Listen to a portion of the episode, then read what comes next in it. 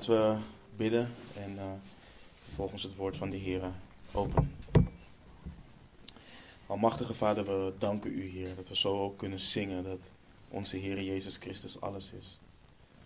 Heer, want het is ook zo, Heer. En ik bid, Heer, dat dat geen loze woorden mogen zijn die we zingen, maar dat ons leven zal laten zien dat het ook daadwerkelijk zo is. Vorm ons daar ook naar, Heer. En vader, we danken u dat we zo konden zingen. En we bidden en we vragen om een zegen, Heer. Zo we onze aanbidding voortzetten. En we vragen om uw zegen, om uw kracht, Heer. Niet alleen in de prediking van het woord, maar ook om het woord te kunnen ontvangen. En ook om daders te mogen zijn van uw woord. Heer, zonder uw geest, Heer, zijn we niet in staat om deze dingen te doen. Dus we bidden ook om dat machtige werk. Heer, dat, uh, dat u verheerlijk zal worden hier doorheen. We houden van u en bidden in Jezus' naam. Amen. We sluiten vandaag um, de serie uh, Een Sterk Huis af. Um, met de studie van vandaag meegerekend hebben we 22 weken lang stilgestaan bij het bouwen van een, uh, van een sterk huis. Een huis zoals de Heer Jezus leert, wat op de rots is gebouwd. Op Hem, een huis waarin Hij regeert, uh, waarin Hij centraal staat, waarin Hij het hoofd is. Een huis waarin zij die de verantwoordelijkheden hebben gehad van de Heere God om het huis te leiden, in volle vertrouwen en gehoorzaamheid achter de Heere Jezus aangaan. Dat was het doel van deze serie. Het doel was en is om ons ervan bewust te maken uh, dat dit een kwestie is van aanbidding. Het is een kwestie van aanbidding. Dat ook dit aspect van ons leven volledig onderworpen dient te zijn aan de Heere God. Dat we, daar, dat we ervoor waken en niet denken dat we soeverein zijn in hoe we ons huis bouwen en beheren. Maar dat we dat doen onder, de, onder zijn goede en alwijze uh, heerschappij. Nou, waar, waar zijn we begonnen? Hoe is dit allemaal begonnen? Nou, met, met wat we lezen in Joshua 24, vers 14 en 15. Joshua zegt daar: Nu dan, vrees de Heer, dien hem in oprechtheid en trouw. Doe de goden weg die uw vaderen gediend hebben aan de overzijde van de rivier en, Egypte, en, en in Egypte, en dien de Heer. Maar als het in uw ogen kwalijk is de Heer te dienen, kies voor u heden wie u zult dienen. Of de goden die uw vaderen die aan de overzijde van de rivier woonden gediend hebben, of de goden van de Amorieten, van wie u het land bewoont. Maar wat mij en mijn huis betreft, wij zullen de Heere dienen. Dit is waar we zijn begonnen. Dit is dit, de, de krachtige uitspraak en oproep van Joshua aan, aan het volk. Joshua weet dat dit een volk is. Ze zijn samen. Samen dragen ze een verantwoordelijkheid. Maar ieder huis draagt ook zijn eigen verantwoordelijkheid. En wat ieder huis doet of niet doet, heeft ook invloed op de gehele gemeenschap. En Joshua als hoofd van zijn gezin zegt heel duidelijk: Maar wat mij en mijn huis betreft, wij zullen de Heere dienen. Wij gaan achter Hem aan. Wij slaan acht op Zijn woorden, op Zijn geboden, op Zijn bepalingen, op Zijn verordeningen. We wijken niet af naar links, we wijken niet af naar rechts. Zo zegt de Heere onze God en zo doen wij. En wat Joshua zegt kan ons veel leren over hoe wij dienen te kijken naar ons gezin, naar ons huis. Kijk, Joshua heeft niet de zekerheid dat zijn kinderen later de Heere God zullen dienen en volgen. Die zekerheid heeft hij niet. Hij weet niet wat er in het huis van zijn kinderen later zal gebeuren. Maar één ding weet hij wel: wat er in zijn huis gebeurt. Het huis waar hij het hoofd is. En voor de wereld kan dit autoritair zijn. Voor de wereld kan dit directief, uh, directief zijn. Dit tast de autonomie van, een, van het gezin aan, leert de wereld. Ieder mens Ieder kind moet namelijk vrij zijn om zijn eigen identiteit te ontdekken, leert de wereld. Althans, de westerse wereld. Let op wat UNICEF hier bijvoorbeeld over schrijft. Ik citeer. Kinderen zijn vrij om te denken wat ze willen. Zij mogen hun eigen mening hebben over wat goed en slecht is. Ook moeten zij hun eigen godsdienst kunnen kiezen. Het is wel de bedoeling dat de ouders de kinderen bij deze dingen helpen en begeleiden. Einde citaat. Maar wat is de kern hiervan? De kern hiervan is de religie van de westerse wereld: autonomie, onafhankelijkheid, zelfstandigheid, zelfbestuur. De wereld is er namelijk absoluut van overtuigd dat de wereld ontwikkelt, dat de wereld vooruit gaat. Dat het beter af is dan vroeger en dat wat de wereld nu promoot, dat het nieuw is. Maar wat leert Prediker ons? Prediker schrijft in hoofdstuk 1, vers 9 tot met 11: Wat er geweest is, dat zal er weer zijn. Wat er plaatsvindt, dat zal weer plaatsvinden. Er is niets nieuws onder de zon. Is er iets waarvan men kan zeggen: kijk eens, dat is nieuw? In de eeuwen die voor ons geweest zijn, is het er al geweest. Er is geen herinnering aan de vroegere dingen. Ook aan latere dingen die nog komen, zal geen herinnering zijn bij hen die daarna komen. Dus er is niets nieuws. Broeders en zusters, bijvoorbeeld hè, de perversie die we nu hier zien. Met bijvoorbeeld de Pride Month, de, de, de, de parade, de perversie dat ze kinderen meeslepen in de zonde van homoseksualiteit en alles waar deze agenda voor staat. Hebben we dit niet eerder gezien? We hebben dit eerder gezien. En waar hebben we dit eerder gezien? Als je in je Bijbel naar Genesis 19 gaat, dan zie je dit al. In Genesis 19 lezen we in vers 4 en 5. Nog voor zij zich te slapen legden, omsingelden de mannen van die stad, de mannen van Sodom, en let goed op, van jong tot oud, het huis. Heel het volk. Niemand uitgezonderd. Zij riepen naar Lot en zeiden tegen hem: Waar zijn die mannen die vannacht bij u gekomen zijn? Breng hen naar buiten naar ons toe, zodat wij gemeenschap met hen kunnen hebben. Als je kijkt naar de perverse geschiedenis van Griekenland. Als je kijkt ook wat er in Rome gebeurde. Als je leest hoe normaal losbandigheid was, hoe openlijk dat gevierd werd, pride is er niets bij. Het is er niets bij. Maar dit houdt niet in dat we het normaal moeten vinden. Maar wat goed is om te zien hierin, is dat de rechtvaardige altijd voor dezelfde keuze heeft gestaan. Altijd. Nu dan, vrees de Heer, dien hem in oprechtheid en trouw. Als het in uw ogen kwalijk is de Heer te dienen, kies voor u heden wie u zult dienen. Dat is altijd de keuze geweest. Altijd. En dat zal de keuze zijn totdat we verenigd worden met onze Heer. Dat is de keuze waar jij en ik vandaag voor staan. Kijk, kom je namelijk terug op het citaat van UNICEF, dan zie je ook wat het probleem is in veel christelijke gezinnen. Kijk, we zijn gaan opvoeden met de gedachten dat wat wij geloven niet absoluut is. We zijn gaan opvoeden met de gedachte dat kinderen in staat zijn om een mening te vormen over wat goed en slecht is. Maar wat doet het hart? Het hart dat verdorven is. Wat doet dat hart? Dat hart noemt goed kwaad en kwaad goed. En dat doet niet alleen het kinderhart. Kijk, kijk om je heen. Kijk in de wereld waarin we leven. Kijk naar alles wat mag van onze overheid. Abortus gelegaliseerd. Huwelijken tussen hetzelfde geslacht gelegaliseerd. Scheiding gemakkelijk gemaakt en gelegaliseerd.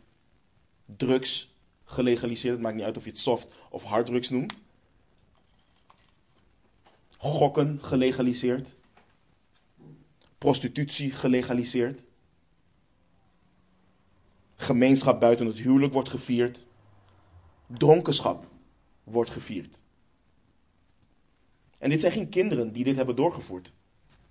Dit zijn volwassen mannen en vrouwen in de politiek die dit hebben doorgevoerd. Volwassen mannen, of volwassen mensen waarvan, we, waarvan men zou zeggen, die hebben gezond verstand. Maar de Heere God zegt in Jesaja 5 hierover, vanaf vers 20. Wee hun die het kwade goed noemen en het goede kwaad. Die duisternis voorstellen als licht en licht als duisternis. Die bitter voorstellen als zoet en zoet als bitter. Wee hun die in hun eigen oog wijs zijn en naar hun eigen mening verstandig. Wee hun die een held zijn in wijn drinken en dappere mannen in het mengen van sterke drank. Die de goddelozen in het gelijk stellen voor een geschenk, maar de rechtvaardigen hun recht ontnemen. Je, je hoeft geen geleerde te zijn om te zien dat de oproep om kinderen hun eigen mening te laten vormen over wat goed en slecht is, verstrekkende gevolgen met zich meebrengt. Je, je hoeft niet aan de universiteit te hebben gestudeerd daarvoor. Elk persoon die aan zichzelf wordt overgelaten, zal laten zien en manifesteren dat hij een dwaas is. Hij zal zichzelf goed vinden, zal zichzelf nobel vinden. Maar spreuken leert ons heel duidelijk in spreuken 12, vers 15: de weg van de dwaas is juist in zijn eigen ogen. Maar wie naar raad luistert, is wijs. De weg van de dwaas is juist in eigen ogen. En wat leert Spreuken 22, vers 15 ons? Zit er dwaasheid in het hart van een jonge man gebonden? De stok van de vermaning zal die ver daarvan houden. Ik zei eerder al dat een letterlijkere vertaling als, als luid volgt. Dwaasheid zit gebonden in het hart van een jonge man. De stok van de vermaning die zal die ver daarvan houden. Nou, en wat, wat we vandaag gaan doen, broeders en zusters, in de laatste studie van de serie, daar hebben we het ook over gehad. Hè, dat is, daarmee sluiten we hem ook af. Zijn de thema's, want we waren bij, bij, bij, bij opvoeding, bij ouderschap, de thema's die je dient mee te geven aan je kinderen. Wat dient te regeren in je huis. Dit is, dit is cruciaal. Wat leren we in Efeze 6, vers 4? Paulus schrijft daar onder leiding van de Heilige Geest. En vaders, wek geen toorn bij uw kinderen op maar voed hen op in de onderwijzing en de terechtwijzing van de Heer. Voed hen op in de onderwijzing en terechtwijzing van de Heer. Dit geldt niet alleen voor de vaders, want als we spreuken lezen, lezen we ook dat Salomo schrijft en dat hij zegt: vergeet het onderricht van je moeder ook niet. Dus je ziet dat de moeder daarin ook haar rol moet opnemen. Als je kijkt naar wat we in Efeze 4 of Efeze 6 lezen, uh, voed op komt in het Grieks slechts twee keer voor in het Nieuwe Testament. Het komt voor in Efeze 5, vers 29, waar we over het huwelijk lezen. En het komt voor in dit vers. En hier wordt het gebruikt, de manier waarop Paulus zegt, om kinderen op te voeden opdat ze volwassen worden. Ze groot brengen. Wat Paulus schrijft is cruciaal, want in onze wereld betekent grootbrengen um, met ze zijn totdat ze tenminste 18 zijn. Maar Paulus schrijft in de onderwijzing en de terechtwijzing van de Heer. Dat is wat hij schrijft. En dan is de vraag, wat bedoelt Paulus met onderwijzing? Hij heeft het over het trainen. Hij heeft het over onderwijzen.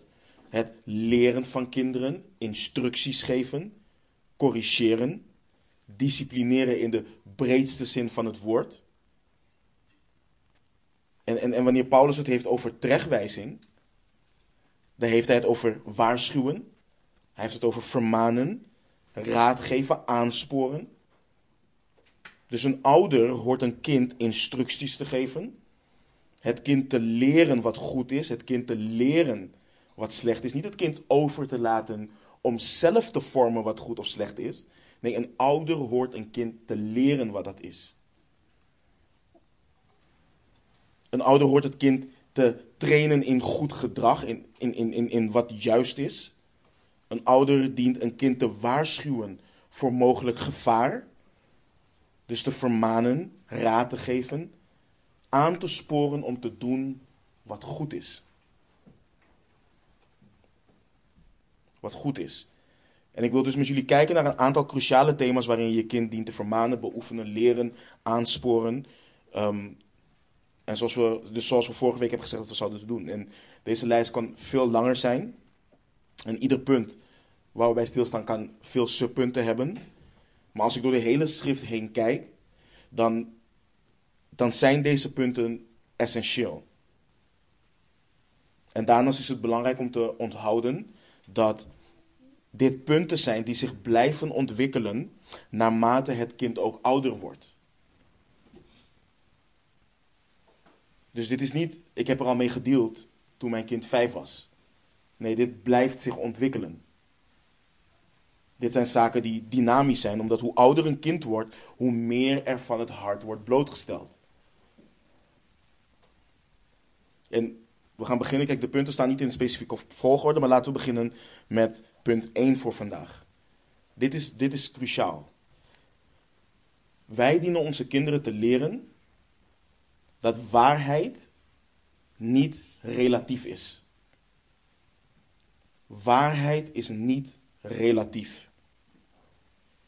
Het is gevaarlijk wanneer kinderen geleerd worden dat ze hun eigen waarheid kunnen vormen. Levensgevaarlijk. Dat wanneer ze geleerd wordt dat er, iets, dat er niet iets is als absolute waarheid. Dat is ook waar het citaat van UNICEF bijvoorbeeld naar hint. Een kind mag kiezen wat het beste bij hem of bij haar past. Een kind mag kiezen wat fijn voelt en wanneer het kind Christus afwijst, dan heeft het kind het gevoel dat het kind niet de waarheid afwijst, maar wat, hij, wat jij vindt dat waar is. En vooropgesteld, kijk, wij weten dat de Heere God soeverein is en dat wij onze kinderen niet kunnen bekeren. Wij kunnen dat niet. Wij kunnen het geloof niet forceren op onze kinderen. We kunnen ze niet gelovig maken. Een kind, een persoon, dient opnieuw geboren te worden door oprecht geloof in de Heer Jezus Christus. Als we het gesprek van de Heer Jezus en Nicodemus lezen, dan zien we, niemand zal het koninkrijk van God beërven als ze niet opnieuw geboren worden. Dus dat staat voorop. Maar wij, wij die geboren zijn uit God, wij hebben de waarheid leren kennen. De waarheid. En daarom dienen wij onze kinderen ook te leren dat waarheid niet relatief is. En dat een kind niet rebelleert tegen een mening, maar dat een kind rebelleert tegen God die de waarheid is. Of het kind nou gelooft of niet. Christus zei in Johannes 14, vers 6: Ik ben de weg, de waarheid en het leven. Niemand komt tot de Vader dan door mij.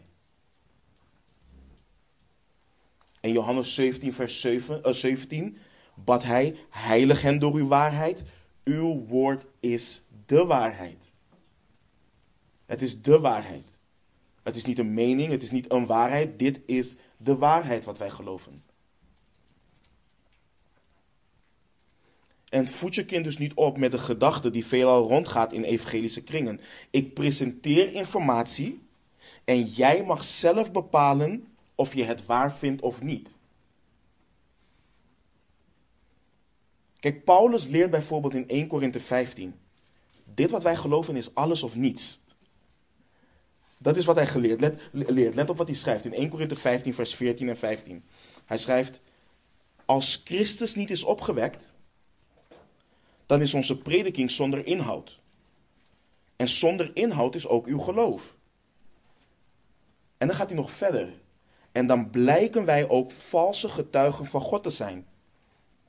Wij hebben namelijk van God getuigd dat hij Christus heeft opgewekt. Terwijl hij die niet heeft opgewekt als inderdaad de doden niet opgewekt worden. Paulus is heel duidelijk, dit is de waarheid. En als dit de waarheid niet is, dan is dit niet een kwestie van onze mening. Dit is niet een kwestie van we hebben in ieder geval een goede tijd met elkaar gehad. Nee, dan zijn we leugenaars. Dan zeggen wij iets over God wat niet waar is.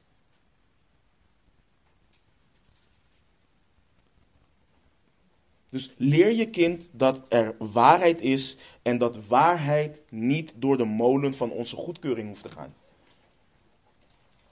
Leer ze dat God de waarheid is en dat in Hem de waarheid is.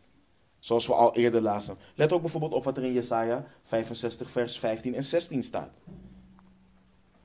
Het draait voornamelijk om vers 16, maar we pakken vers 15 er ook bij. U zult uw naam voor mijn uitverkorenen achterlaten als een vloekwoord en de Heere Heere zal u doden. Maar zijn dienaren zal hij noemen met een andere naam. Zodat wie zich zegenen zal op de aarde, zal zich, zegenen, uh, zich zal zegenen in de God van de waarheid. En wie zweren zal op de aarde, zal zweren bij de God van de waarheid. Omdat de benauwdheden van vroeger vergeten zullen zijn, omdat zij verborgen zullen zijn voor mijn ogen. Psalmist schrijft in Psalm 119, vers 160: Vanaf het begin is uw woord waarachtig. Al uw rechtvaardige bepalingen zijn voor eeuwig. Voor eeuwig. Dus de Heere God is de God van de waarheid. Hij is waarachtig. Zijn woord is waarachtig. Als men wilt leren over wie God is, hoe God is, wat God wil, dat dient men zich te wenden tot de levende God. De God van Abraham, de God van Isaac, de God van Jacob. Dat is de levende God. Als men wilt leren wat waar is over het leven, als men wilt leren wat waar is over de zin van het leven, dan dient men zich te wenden tot de gever van het leven. Tot hem die waarheid is. Dat is wat we onze kinderen moeten leren. Dus kinderen moeten leren dat waarheid niet relatief is.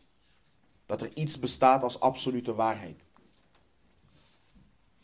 Een volgend belangrijk punt is om je kinderen te leren kritisch na te denken. Kinderen moeten leren denken.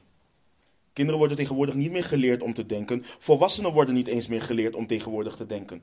Alles wordt je kant en klaar geleverd in de maatschappij waarin we leven. En in tegenstelling tot de wereld, wat de wereld denkt over christenen, worden wij opgeroepen om na te denken.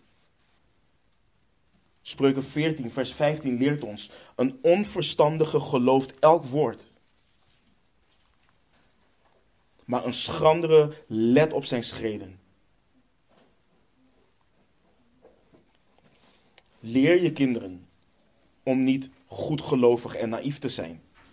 Maar leer ze te toetsen wat ze horen. Leer ze motieven te onderscheiden. Leer ze patronen te herkennen. Leer ze om te ontleden wat er achter hetgeen zit, wat ze horen en wat ze geleerd wordt. we hebben twee zondagen stilgestaan bij Filippenzen 4, vers 8. Verder, broeders, al wat waar is, al wat eerbaar is, al wat rechtvaardig is, al wat rein is, al wat liefelijk is, al wat welluidend is, als er enige deugd is en als er iets prijzenswaardigs is, bedenk dat. Bedenk dat. Paulus deelde zoveel wijsheid met Timotheus. We hebben twee brieven daarvan. Maar hij schreef ook heel, hij schreef ook heel wijs in 2 Timotheus 2, vers 7. Denk na over wat ik zeg. Maar laat de Heer u inzicht geven in alle dingen. Denk na over wat ik zeg, maar laat de Heer u inzicht geven in alle dingen. En hiermee zegt Paulus niet ga eerst naar de Heer om te kijken of je het eens kunt zijn met wat ik schrijf. Nee, hij maakt duidelijk dat de Heer hem inzicht geeft in hoe hij die dingen ook dient toe te passen. Maar Timotheus moest nadenken over de dingen die Paulus zei, over de dingen die hij schreef. Dus we hebben een tijd, een, een tijd met, met de kinderen hier in de gemeente ook gezeten en gesproken met ze over hoe ze hun eigen gevoelens moeten leren toetsen. En moeten toetsen of dat wat ze voelen daadwerkelijk ook de waarheid is. En als ze vinden dat iets goed voelt, maar het niet de waarheid is, ze moeten ook leren om dat gevoel te verlogenen. Ik leer mijn kinderen ook bijvoorbeeld, kijk hoe de wereld reageert op de Heer Jezus. Waarom is dat? Kijk naar wat de Heer Jezus hier zelf over zegt. Zijn de argumenten die ze geven tegen Christus, zijn dat valide argumenten? Nee, waarom niet? Wat is hun motief? Waarom willen ze niet buigen voor Hem?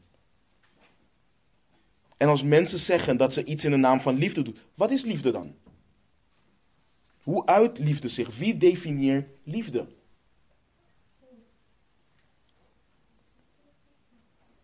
En hiermee leer je je kind om niet zomaar mee te gaan met de stroming van de meerderheid.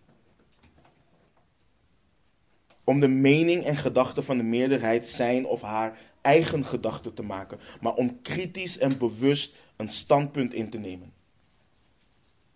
Kijk, bijvoorbeeld, ik leer mijn kinderen hè, bijvoorbeeld waarom de islam en het christendom, waarom dat, waarom dat niet allebei waar kan zijn.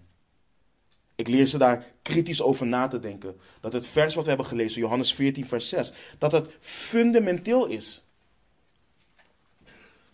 Dat het een fundamenteel is als de Heere Jezus zegt dat Hij de weg is, betekent dat er geen andere weg is. Als hij zegt dat hij de waarheid is, dan zegt hij dat al het andere een leugen is.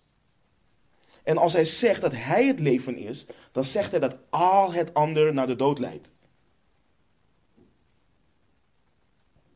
En als niemand tot de Vader komt dan door hem, dat niemand anders mij kan verzoenen met de levende God. Dit is geen kwestie van een mening. We moeten wat doen met de uitspraken die de Heer Jezus heeft gesproken, die hij heeft gedaan. Leer kinderen kritisch nadenken. Leer ze verbanden leggen. Leer ze de waarheid van de leugen te onderscheiden. Leer ze hun eigen gedrag en motieven correct te beoordelen. Ik had, eh, ik had onlangs een half uur gesprek met onze oudste van zeven over het gesprek tussen intentie en perceptie. Het, het verschil daartussen. Je kunt wel het ene bedoelen, maar je moet ook waakzaam zijn over hoe het overkomt. Dus als mensen je ergens op aanspreken en jij vindt dat je een goede intentie had, dan moet je ook kritisch kunnen nadenken en kijken over de perceptie. En daarop terug kunnen komen. Dus leer kinderen kritisch nadenken. En dat doen we door met ze in gesprek te gaan, door vragen te stellen. Ons volgende punt is, is, is vaker voorbij gekomen in deze serie. Ik kan niet anders dan hier weer bij stilstaan, niet heel uitgebreid, maar we moeten hier wel aan herinnerd worden. Leer je kind eerbiedig ontzag te hebben voor de Heere God. Leer je kind eerbiedig ontzag te hebben voor de, voor, voor, voor de Heere God. En broeders en zusters, let op, dit staat niet gelijk aan leer je kind om wedergeboren te zijn. Dat kunnen we niet. Maar leer je kind, wat leeft onder jouw dak, onder jouw gezag, om respect te hebben voor de Heere God. Spreuken 1, vers 7 leert ons de welbekende oproep van de koning aan zijn zoon. De vrezen des Heren is het beginsel van de kennis, dwazen verachten wijsheid en vermaning. Dit is iets wat gaat met vallen en opstaan. Net als al de punten hiervoor, maar ook al de punten die hierna volgen. Maar bijvoorbeeld, nogmaals, het gaat met vallen op, en opstaan. Maar ik leer onze kinderen dat wanneer we hier samenkomen, dat wanneer we hier samen zingen, dat het geen speelkwartier is. Maar dat we hier zijn. Kijk, kinderen begrijpen niet. Van zichzelf begrijpen kinderen niet hoe gewichtig het is om samen te kunnen komen om tot de Heere God te kunnen zingen, zijn woord te kunnen openen en erna te kunnen luisteren, samen te kunnen bidden. Kinderen begrijpen niet altijd wat voor voorrecht dat is, maar dat is iets wat wij ze dienen bij te brengen. Wanneer wij in de ochtend aan het bidden zijn, wanneer we aan het lezen zijn, onze eigen tijd hebben, weten de kinderen ze dienen te wachten. Ze dienen te wachten. Het moet van levensbelang zijn, wil je ons op dat moment storen. Hetzelfde wanneer we onze tijd hebben van gezinsaanbidding aan tafel. Als je de tekst niet kent wat we zingen, betekent het niet dat je kunt doen aan tafel wat je wilt. Nee, je zit dan eerbiedig stil. Dus leer kinderen wat voor een voorrecht het is om te mogen naderen tot de heilige en rechtvaardige God. Leer ze hoeveel genade, barmhartigheid en liefde Hij heeft getoond in zijn Zoon, dat we zo tot Hem mogen naderen. Leer ze dat we niet gelijk zijn aan Hem en Hij niet aan ons. Al deze dingen. En al deze dingen staan niet gelijk aan het feit dat ze vertrouwen op Hem voor hun zaligmaking of niet. Maar ze, ze dienen te respecteren dat Hij de schepper van hemel en aarde is. Dat Hij hoog en verheven is. En dat er niemand is als Hij. En onthoud, het gaat niet primair om het leren van je kind om de juiste dingen te doen, zodat jij als ouder tevreden bent. We voeden niet op voor reputatie, we voeden niet op voor onszelf. Maar juist om het aansporen tot een relatie met de levende God. Dit is primair onze taak.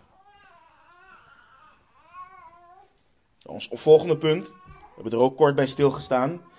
Um, maar deze is een belangrijk. Leer je kind eerbied voor gezag. Dit is compleet verloren gegaan in onze tijd tegenwoordig. Leer je kind eerbied voor gezag. Leer je kind op een goede manier autoriteit te respecteren. Welke vorm van autoriteit dan ook. Let op wat Spreuken 24, vers 21 en 22 ons leert. Mijn zoon, vrees de Heere en de koning. Laat je niet in met hen die op verandering, veranderingen uit zijn. Want hun ondergang zal plotseling opdagen en wie kent de verdrukking door hen, um, door hen beiden teweeggebracht. Kijk, ik ben het bijvoorbeeld persoonlijk, we hebben het hier vaker over, ik ben het niet eens met veel van de dingen die er in de politiek gebeuren. Ik ben het er simpelweg niet mee eens. Maar ik leer mijn kinderen respect te hebben voor het ambt voor het ambt waarin de mensen dienen. De overheid is door de Heere God ingesteld. En de overheid heeft een bepaalde mate van gezag en dat gezag dienen we te respecteren. Maar dat geldt niet alleen voor de overheid, het geldt voor waar, voor waar je kind dan maar ook te maken krijgt met gezag.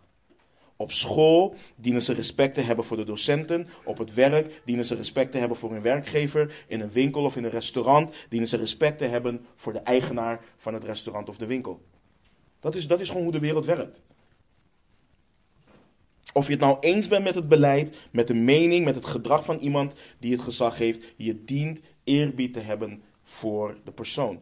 Paulus demonstreerde dit heel prachtig in Handelingen 23. Daar laat de hoge priester Ananias de apostel Paulus slaan op zijn mond. En vanaf vers 3 lezen we het volgende. Toen zei Paulus tegen hem: God zal u slaan, witgepleisterde wand. Zit u hier om een oordeel over mij uit te spreken, overeenkomstig de wet, en geeft u bevel tegen de wet in mij te slaan? En zij die daarbij stonden, zeiden: Scheldt u de hoge priester van God uit? Toen zei Paulus: Ik wist niet, broeders, dat hij hoge priester is. Want er staat geschreven: U mag geen kwaad spreken van de leider van uw volk. De apostel Paulus, nog steeds oneens met wat er is gebeurd, want het gaat nog steeds tegen de wet van God in. Maar hij heeft wel respect voor het ambt. Hij heeft respect voor het ambt. Voor het gezag van de hoge priester. Hoe onrechtvaardig die man ook is. Dus leer kinderen eerbied te hebben voor gezag. Om autoriteit te respecteren. En zoals we vorige week hebben behandeld, begint dat in het huis. Ons volgende punt. Leer je kinderen om correctie, vermaning te waarderen en daar niet tegen te rebelleren. Leer ze om correctie te waarderen, dus vermaning, en daar niet tegen te rebelleren. Spreuken 12, vers 1 leert ons: wie vermaning lief heeft, heeft kennis lief, maar wie bestraffing haat, is onverstandig. Dit vers beschermt ons als ouders ook om rechtvaardig te bestraffen om rechtvaardig te bestraffen. Dat leert ons om dat op een juiste manier te doen. Vermanen doen we niet om te vermanen. Vermanen doen we om kennis bij te brengen, om te corrigeren. we hebben hier kort bij stilgestaan in de vorige studies dat kinderen dienen te leren dat nee ook een goed antwoord is. Maar dit gaat een stuk verder. Dit gaat naar het punt dat als een kind heeft gezondigd, wanneer een kind ongehoorzaam is geweest en bestraft dient te worden, dat een kind niet rebelleert tegen die correctie. Dat een kind leert dat bestraffing ook liefde is. En dat het goed en rechtvaardig is wanneer ongehoorzaamheid, wanneer zonde bestraft wordt. Want geloof me, ieder kind wil rechtvaardigheid wanneer onrecht tegen hen wordt aangedaan. Dan willen ze dat de ander gecorrigeerd wordt.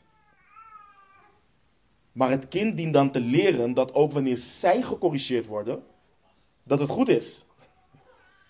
Dat het goed is. En kinderen die bestraffing niet waarderen, zijn meestal kinderen die problemen hebben met autoriteit.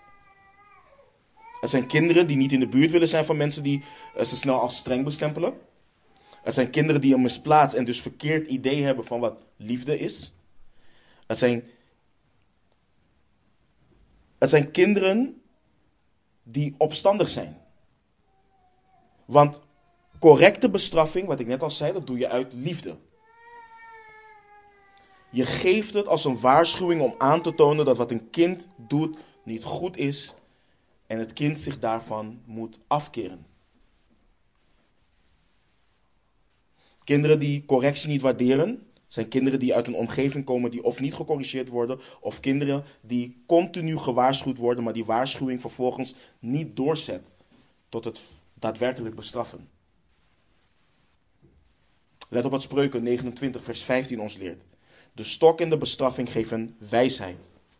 Maar een jonge man die aan zichzelf is overgelaten, maakt zijn moeder beschaamd.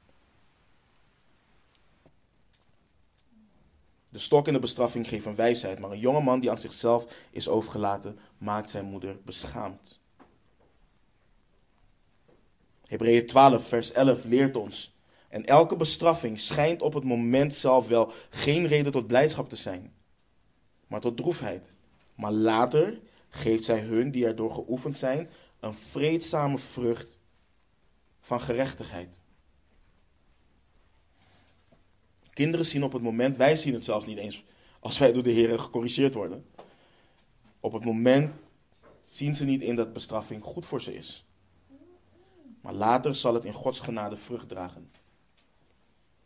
Leer je kinderen dat door bestraffing je ze wijs maakt. Dat je ze met correctie, met waarschuwing, met aansporing juist behoedt voor de weg die uiteindelijk leidt naar de dood. Salomo schrijft ook aan zijn zoon in Spreuken 3, vers 11 en 12. Mijn zoon, verwerp de vermaning van de Heere niet en heb geen afkeer van zijn bestraffing. Want de Heere straf wie hij lief heeft, zoals een vader doet met de zoon die hij goedgezind is.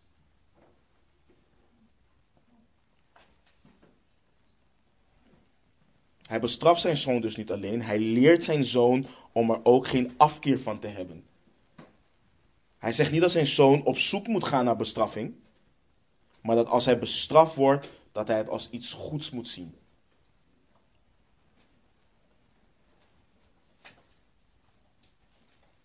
Ons volgende punt. Leer je kinderen om betrouwbaar te zijn, om altijd de waarheid te vertellen. Wat de omstandigheden ook zijn en wat de mogelijke consequenties ook zijn. Leer ze dat er geen excuus is voor liegen. Het is er niet. Wat leert Spreuken 28, 13 ons? Wie zijn overtredingen bedekt, zal niet voorspoedig zijn. Maar wie ze beleidt en nalaat, zal barmhartigheid verkrijgen. Je dient je kind te leren dat de beste manier om iets op te lossen altijd is door de volledige waarheid te vertellen. Altijd.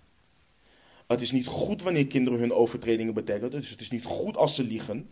En het is ook niet goed wanneer ouders de overtredingen van hun kinderen bedekken.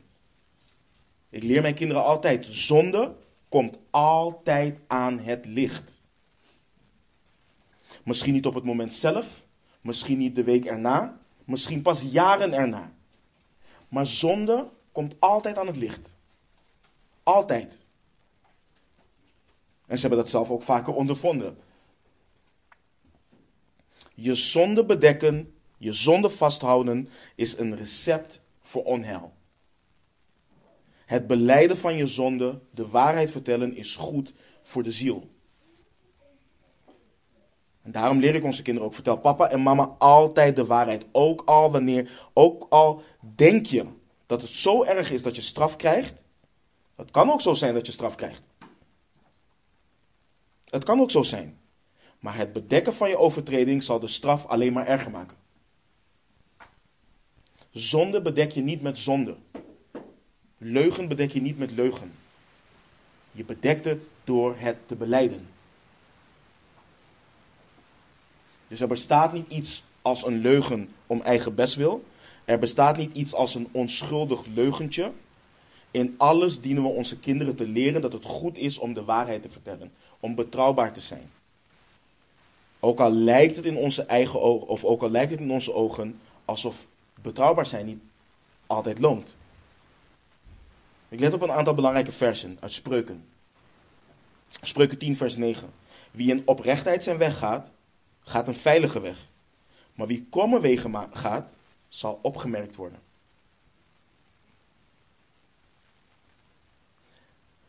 Spreuken 19, vers 1.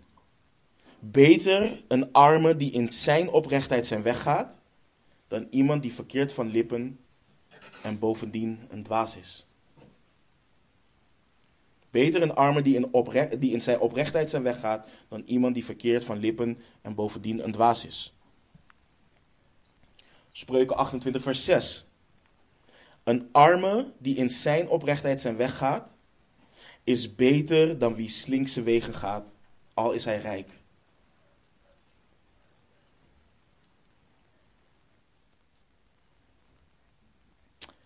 Let op hoe de Heere kijkt naar onbetrouwbaarheid en naar leugen. Spreuken 6, vers 16 tot en met 19. Deze zes haat de Heer.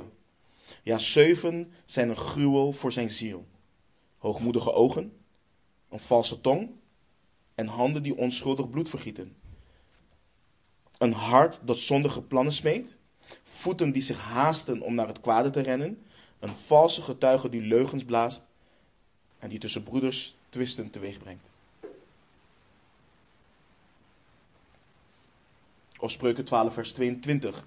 Valse lippen zijn voor de Heere een gruwel, maar wie betrouwbaar handelen, zijn hem welgevallig. Leer kinderen altijd om de waarheid te spreken. Leer kinderen om altijd betrouwbaar te zijn. Leer kinderen om hun woord na te komen.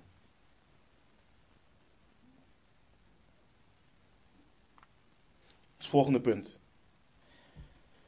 Leer je kinderen de waarde van, goed, van goede vrienden en het gevaar van slechte vrienden. Leer je kinderen de waarde van goede vrienden en het gevaar van slechte vrienden. Spreuken 13, vers 20 leert ons: Wie met wijzen omgaat, zal wijs worden. Maar wie omgaat met dwazen, zal het slecht vergaan. Wie met wijzen omgaat, zal wijs worden, maar wie omgaat met dwazen, zal het slecht vergaan. Onze wereld leert ons dat kinderen hun eigen vrienden of hun eigen, uh, ja, hun eigen vrienden moeten kiezen. Die gedachten zie je niet in de schrift. Die kom je niet tegen in de schrift. Jij bent verantwoordelijk voor je kind. En jij bent ook verantwoordelijk voor, wie, voor met wie je kinderen omgaan. Ik heb ouders vaak horen zeggen: ja, maar misschien. Dus dat een kind omgaat met dat ene goddeloze kind. Ja, maar misschien kan mijn kind een getuige zijn. Luister. Als je kind niet wedergeboren is, is je kind alles behalve een getuige. Dus die gedachte gaat niet op. Je kind is zelf nog volop in ontwikkeling. En weet je van wie je kinderen het meeste overnemen naast hun ouders? Hun vriendjes en vriendinnen. Kinderen zijn net sponsen. Gaan ze met wijze kinderen om, dan zul je dat ook zien in hun gedrag. Gaan ze met dwaze kinderen om, dan zal je dat ook zien in hun gedrag. Dan zal het slecht met ze aflopen. Kijk, ik heb al genoeg als ouder te dealen met de zondige natuur van mijn eigen kind. ik, ik, ik ga het niet voeden door mijn kinderen om te laten gaan met dwazen. Dan heb ik nog meer problemen. En Salomo waarschuwt zijn zoon hiervoor. Hij waarschuwt hem in hoofdstuk 1 al voor dwazen die zijn zoon willen verleiden. Hij zegt hier bijvoorbeeld in Spreuken 1 vers 10, mijn zoon, als zondaar zou willen verleiden, bewillig er dan niet in. Bewillig er dan niet in. Verderop, in hetzelfde hoofdstuk, vers 15 en 16. Mijn zoon, ga niet met hen op weg. Weerhoud je voet van hun pad. Want hun voeten snellen naar het kwaad en zij haasten zich om bloed te vergieten.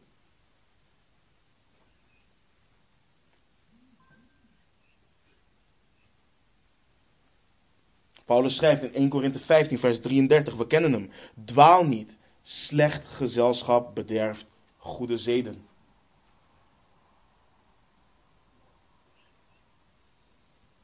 Het maakt niet uit hoe leuk je kind een vriendje of een vriendin vindt. Als het slecht gezelschap is, dan ben je er verantwoordelijk voor om daarmee te dealen.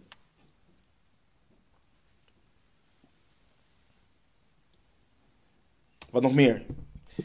Dit is eentje waar ik veel mee bezig ben in ons huis. Leer kinderen hun woorden zorgvuldig te kiezen. Leer ze hun woorden zorgvuldig te kiezen. Wijs om te gaan met hun tong. Leer kinderen dat er geen dwaze en vuile taal uit hun mond hoort te komen. Dat er geen kwetsende taal uit hun mond hoort te komen. Leer ze om wijs om te gaan met hun tong. Let op wat Spreuken 15, vers 28 ons leert. Het hart van een rechtvaardige overdenkt wat het antwoorden zal. Maar de mond van goddelozen vloeit over van kwaad. Ze hebben er geen controle over. Of wat er in Spreuken 10, vers 19 en 20 staat. In de veelheid van woorden ontbreekt de overtreding niet. Maar wie zijn lippen inhoudt, is verstandig. De tong van de rechtvaardige is het beste zilver, het hart van de goddelozen is weinig waard.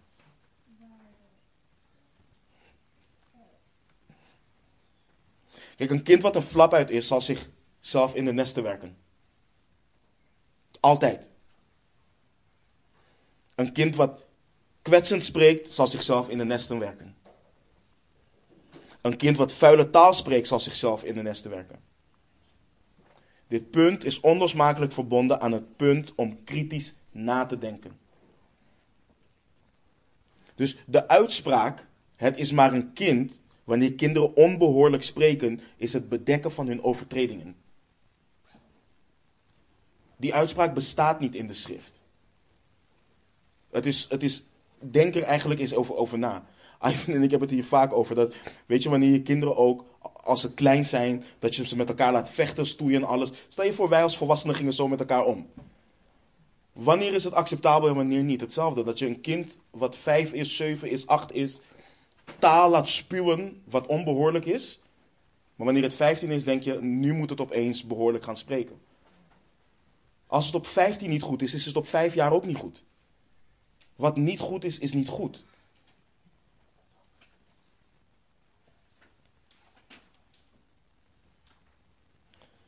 Kinderen moeten leren wanneer het verstandig is om te spreken en wanneer het verstandig is om te zwijgen.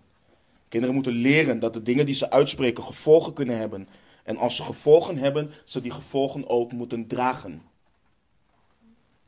Kijk, kinderen kunnen onwetend zijn in hun uitspraken, maar ze zijn niet onschuldig.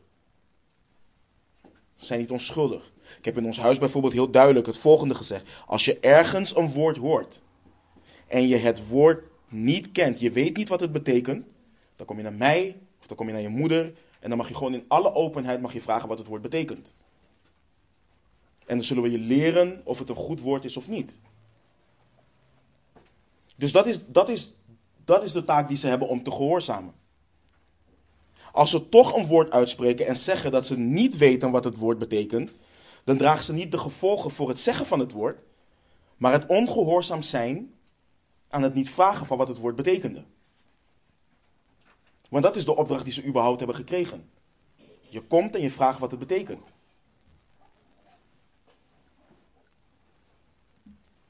Paulus leert in Efeze 4, vers 29. Laat er geen vuile taal uit uw mond komen, maar wel iets goeds. wat nuttig is tot opbouw, opdat het genade geeft aan hen die het horen.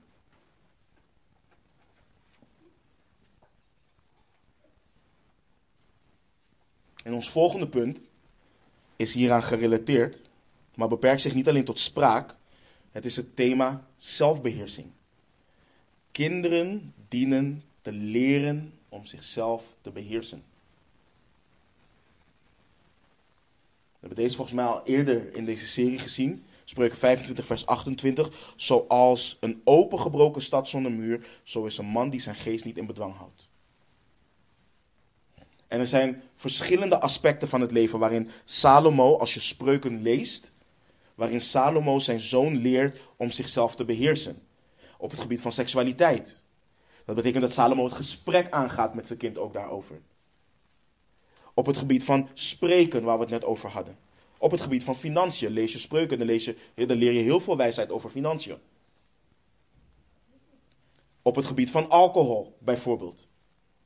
Op het gebied van werken. Salomo leert zijn zoon wat de gevolgen zijn, wat de consequenties zijn van lui zijn. En Salomo leert zijn zoon, en dit is zo belangrijk voor ons om onze kinderen te leren, dat wat je doet altijd gevolgen heeft. Dat zijn wijze lessen die we onze kinderen dienen mee te geven. Als je lui bent en niet wilt werken, zul je niet eten. Dat is gewoon 1 en 1 is 2. Als je uit boosheid spreekt, zul je toorn opwekken. Als je dronken wordt van wijn, zul je arm worden. Als je overspel pleegt met de vrouw van een andere man, zul je daar de consequenties van dragen. En zo kan het verder gaan dan alleen deze, onderwerp, dan, dan alleen deze onderwerpen. Maar dit zijn de dingen waar Salomo het gewoon over heeft met zijn kinderen. Met zijn zoon. De oproep is: breng je kinderen zelfbeheersing bij. Leer ze discipline. Dat ze ook dienen te volharden en staan in dingen die ze minder leuk vinden, maar die goed voor ze zijn. En onthoud waar we het vaak over hebben gehad. Je voedt niet op voor alleen vandaag, maar je voedt op met het oog op de toekomst. Met het oog op de toekomst. Ons laatste punt is essentieel. Leer je kind het evangelie van onze Heer Jezus Christus. Het evangelie van Gods genade. Het Bijbelse evangelie. Leer je kind niet, beter geloof je in God, want anders gaat hij je straffen. Dat is niet het evangelie van onze Heer Jezus Christus. Leer je kind, ja, dat het een zondaar is. En leren dat het heeft gezondigd tegen een heilige God dat het vergeving nodig heeft. En dat die vergeving alleen in Jezus Christus is. Maar leer je kind ook, en dit is zo belangrijk. Want dan ga je op, over op discipelschap, maar ook onderdeel van het evangelie. Leer je kind de vruchten van het evangelie. Leer je kind dat iemand die gelooft in het evangelie en opnieuw geboren is, al dat punten waar we bij hebben stilgestaan, niet in volmaaktheid doet. Leer je kinderen dat we nog steeds de strijd voeren tegen het vlees. Dat jij zelf niet volmaakt bent als, ouder. Weet je, we, we, we, we kunnen zoveel benadrukken en, en, en dat zijn allemaal goede punten. Over het feit dat de zonde geen macht over ons heeft en al dat soort dingen. Het staat er allemaal. Maar als we de realiteit niet meegeven aan onze kinderen, dat de zonde nog steeds op de loer ligt. En dat de zonde nog steeds over ons wil heersen. En dat we nog steeds de strijd voeren tegen het vlees, dan zal je kind alles wat jij doet onder een vergrootglas zetten en zeggen: Jij bent een hypocriet.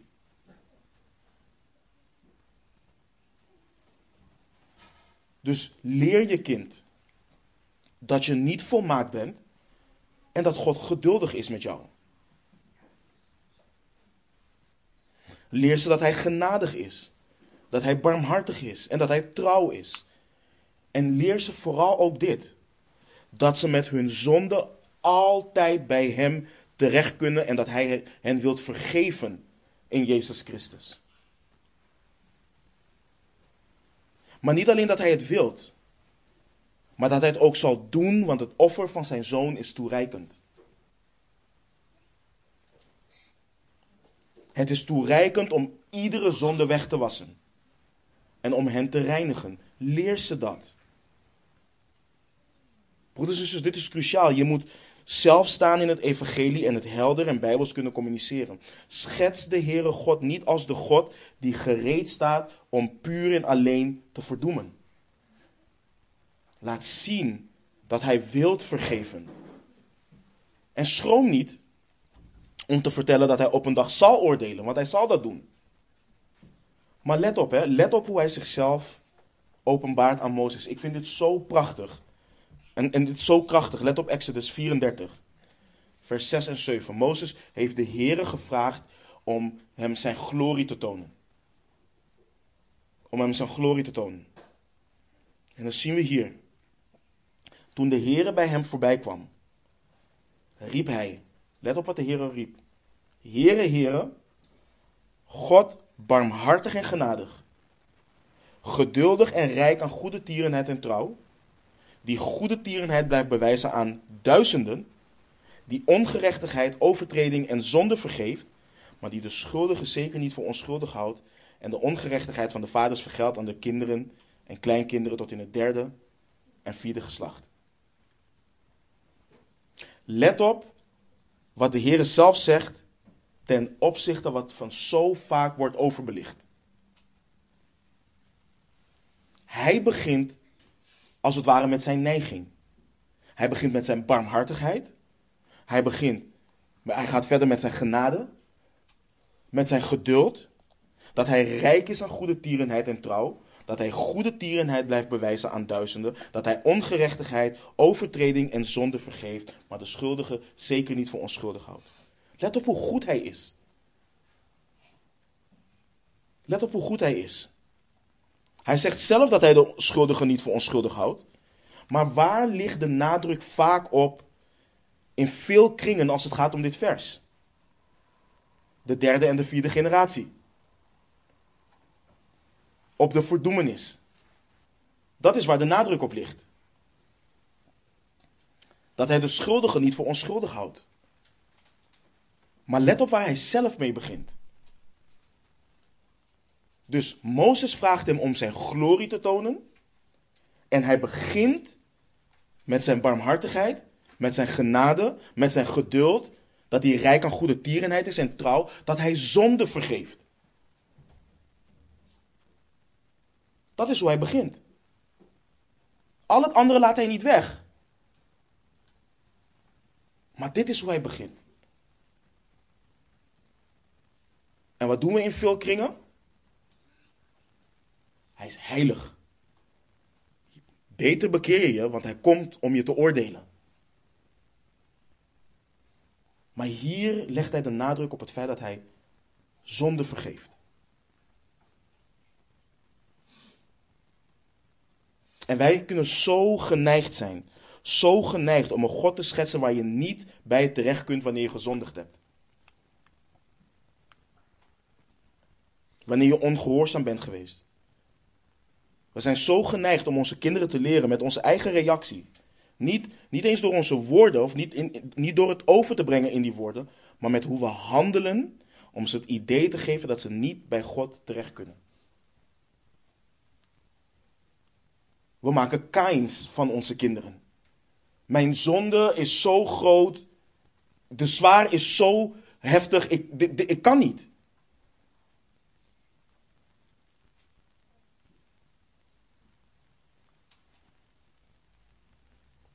We kunnen, ze, we, kunnen overbrengen, en dan komt het helemaal verkeerd over, dat als je gelooft in Jezus, je volmaakt bent en je nooit meer zondigt.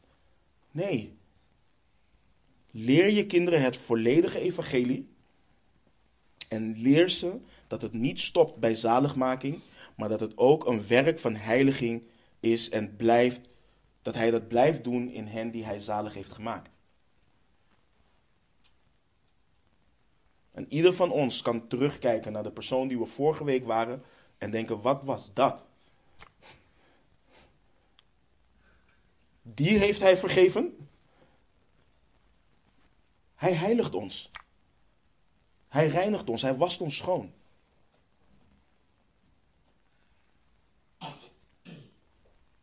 Wanneer je je kinderen het volledige evangelie deelt en ook het werk van heiliging, wat daaruit voortvloeit, minimaliseer je de kans dat ze je als hypocrieten gaan zien.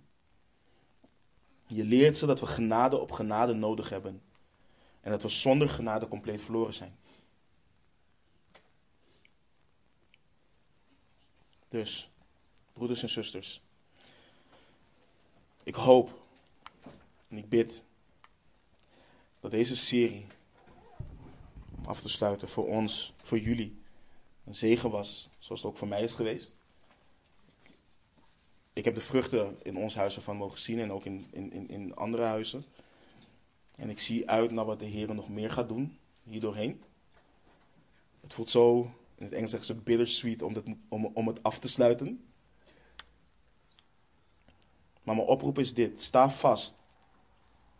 Sta vast in hetgeen waartoe je geroepen bent. Neem de leiding in je huis. Neem je verantwoordelijkheid op. Of je nou gehuwd bent of ongehuwd, volg de Heere God na in zijn volmaakte en in zijn welbehagelijke wil. Doe dat. De Heere zegene u en behoede u. De Heere doet zijn aangezicht over u lichten en zij u genadig. De Heere verheffen zijn aangezicht over u en geven u vrede. Hij die u roept is getrouw. En hij zal het ook doen. Amen. Laten we bidden. Vader, we danken u, Heer. Wat een zegen is het geweest, Heer, en wat hebt u ons veel geleerd, Heer. Vader, ik zie uit naar hoe dit vrucht mag blijven dragen in onze huizen. Vader, dat u, dat u de huizen zal bouwen, Heer. En dat wij in volledige afhankelijkheid achter u aangaan, Heer. Dat we volledig afhankelijk zijn van u, Heer. Mogen u in ieder zegenen, Heer. Zij die kleine kinderen hebben, zij die volwassen kinderen hebben, zij die tieners hebben, Heer, allen. mogen u ons toerusten. Mogen u de huwelijken toerusten, Heer. We bidden voor hen die ongehuwd zijn, dat u, um, ja, dat u hen zegent, dat u hen rein houdt, dat u hen voorbereidt. Vader, u bent goed, Heer. We bidden, Heer, dat we ook in dit aspect van ons leven u zullen aanbidden, u zullen verheerlijken, u de eer en glorie zullen geven die u toekomt, Heer. We houden van u en bidden alles in Jezus' naam. Amen.